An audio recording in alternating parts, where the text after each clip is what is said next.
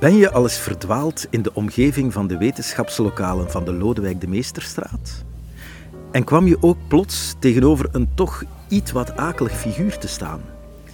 Bij nader toezien bleek het om een kunstwerk te gaan. En vroeg je je ook af waarom dat kunstwerk juist op die plaats stond? We vertellen je het heel graag in deze Caroluscast. Voor de minst jonge luisteraars, collega's en oud-leerlingen die in de 20e eeuw op Carolus rondliepen, wordt het een verhaal met een redelijk gehalte aan herkenbaarheid en met een vleugje nostalgie. Voor de jonge luisteraars wordt het de moeite om tot het eind te luisteren, want dan vragen we naar de mening van de jongeren van vandaag.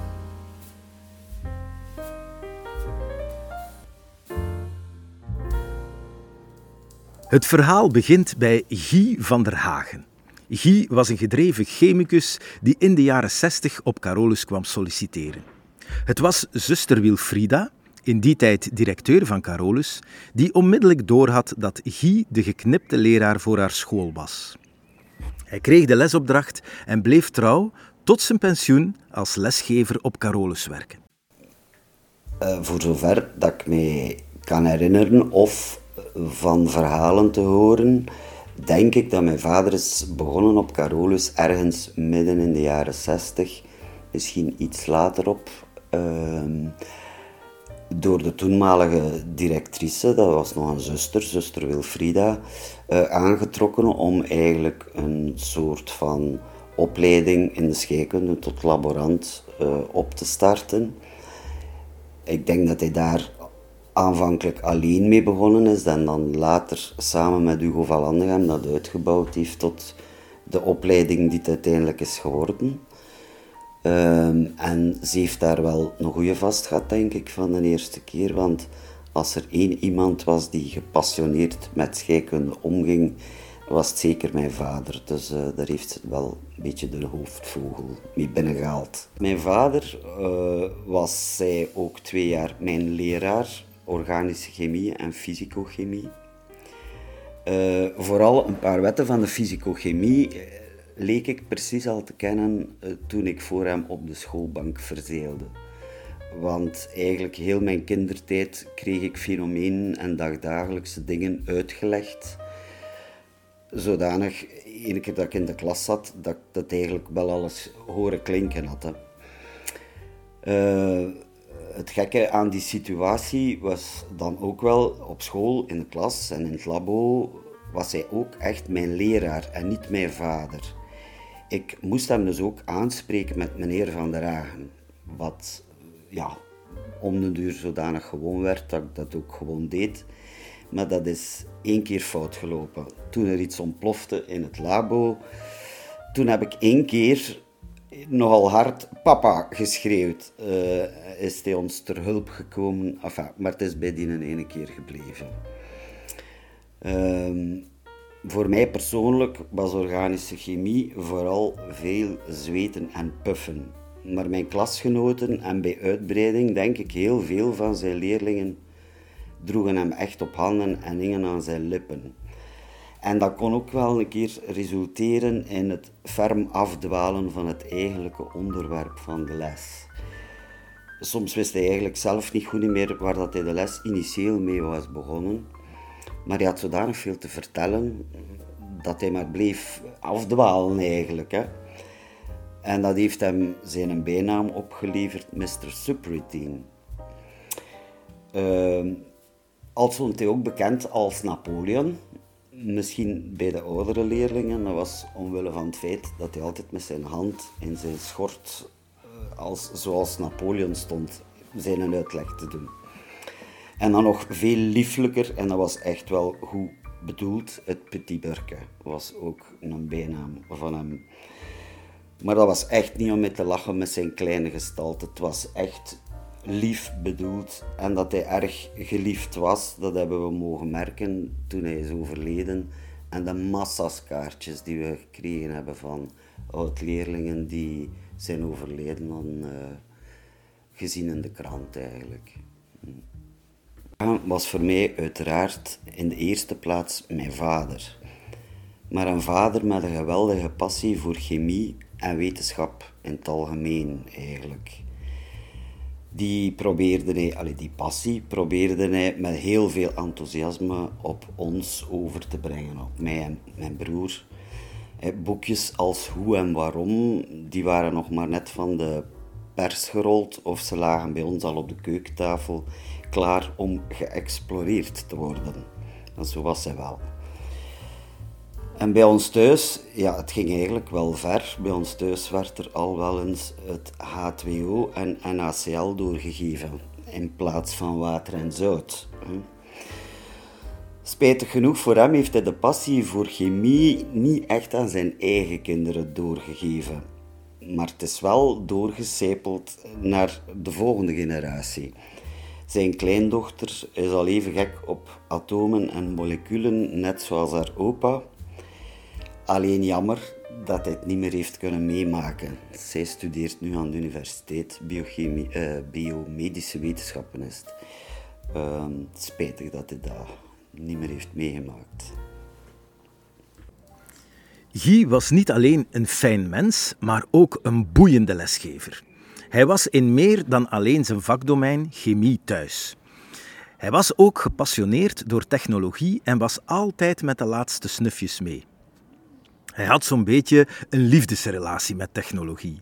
Maar Guy, zijn grote troef, was toch dat hij de mens altijd centraal bleef stellen. En dat brengt ons terug naar het kunstwerk. Wie Guy gekend heeft, zal zeker begrijpen dat hij in de jaren 90 bij een bezoek aan een tentoonstelling van de Koninklijke Waase Kunstkring zijn oog liet vallen op een kunstwerk van de Waase kunstenaar Leonard van Broek. Het werk van deze kunstenaar is een assemblage. Het toont een klavier, waarschijnlijk van een rekentoestel uit de jaren 70, waar rond diodes en andere onderdelen uit de elektronica geëtaleerd zijn. En dan vereist daar, uit die technologische componenten, een borstbeeld met een kaal hoofd en getooid in schaarse kledij. In eerste instantie doet het denken aan een boeddhistische monnik.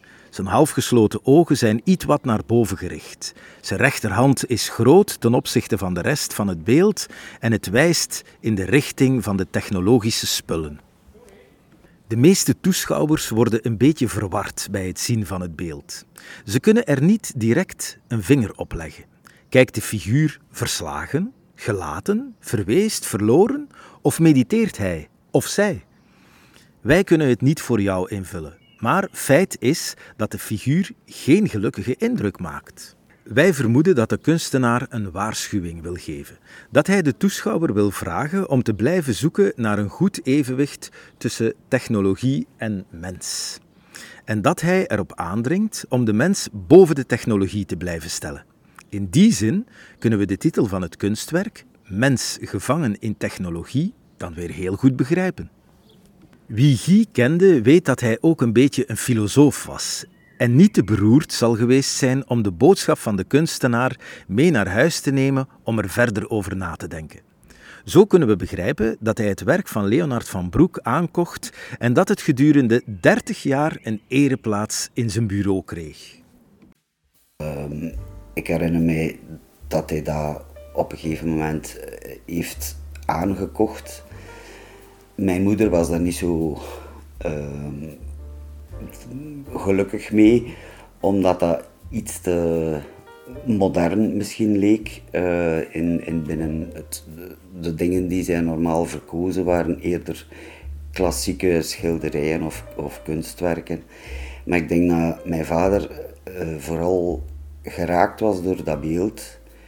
Uh, omwille van, van de combinatie van dat hoofd, de mens, de denkende mens, en dan een beetje in de entourage, of daaronder is eigenlijk staat, staat die mens bovenop technologische spullen. En ik denk dat hem dat wel aan het denken zette, zette over wat technologie met de mens doet. En dat hem dat wel boeide. En ik heb het eigenlijk jaren naast hem zien staan als ik binnenkwam op zijn bureau, zat hij achter zijn bureau en achter mijn vader stond het beeld. In augustus 2021 overleed Guy. Hij was 82. Beatrice, de echtgenote van Guy en eveneens lesgeefster op Carolus geweest. En zijn zoon Frederik waren niet vergeten dat het Guy zijn wens was om dit kunstwerk een onderkomen op zijn school te geven. Daarom namen ze contact op met de school en zorgden ervoor dat het kunstwerk een plaats kreeg in de omgeving van de lokalen waar Guy les gaf. Vanwege Carolus dan ook een grote dank hiervoor. Wij vroegen ons af wat onze jongeren over dit kunstwerk denken. Hebben zij het kunstwerk begrepen? Hebben zij een mening over de wisselwerking tussen mens en technologie? Wij waren benieuwd en vroegen het aan een aantal passanten. Dat de mens is een beetje de slaaf van de technologie. De technologie heeft ons al overheerst, want wij kunnen niet meer zonder technologie. Bijvoorbeeld nu op school, we hebben keihard computers, het bordboek, onze gsm's, we hebben voor alles technologie nodig. En is dat goed of slecht? Uh, op een manier is dat goed omdat we overal makkelijk aan kunnen, maar op een manier is dat ook slecht omdat we heel afhankelijk zijn van iets. Mooi. Het lijkt op een monnik. Ja, het lijkt daar echt op. Ik heb zo het gevoel alsof dit, het deel met de techniek gaat stijgen en dat het meer en meer gaat de rest overheersen. Waardoor krijg je dat gevoel? Ik heb het gevoel dat de wereld, het kleine blauwe stuk bovenop, steeds kleiner wordt of zo als ik er langer naar kijk. Deze Caroluscast was het resultaat van de doorgedreven research van Kaat van der Hagen, Olivier Wille en Pieter van Gijssel. Interviews door Evelien Vergouwen en inhoudelijk en technisch fietste de tandem Tom Douwer en Maarten Vaarwijk deze Caroluscast aan Flarden. Uh, sorry, bij elkaar. En ongetwijfeld herkende u deze keer mijn meest wetenschappelijke stem.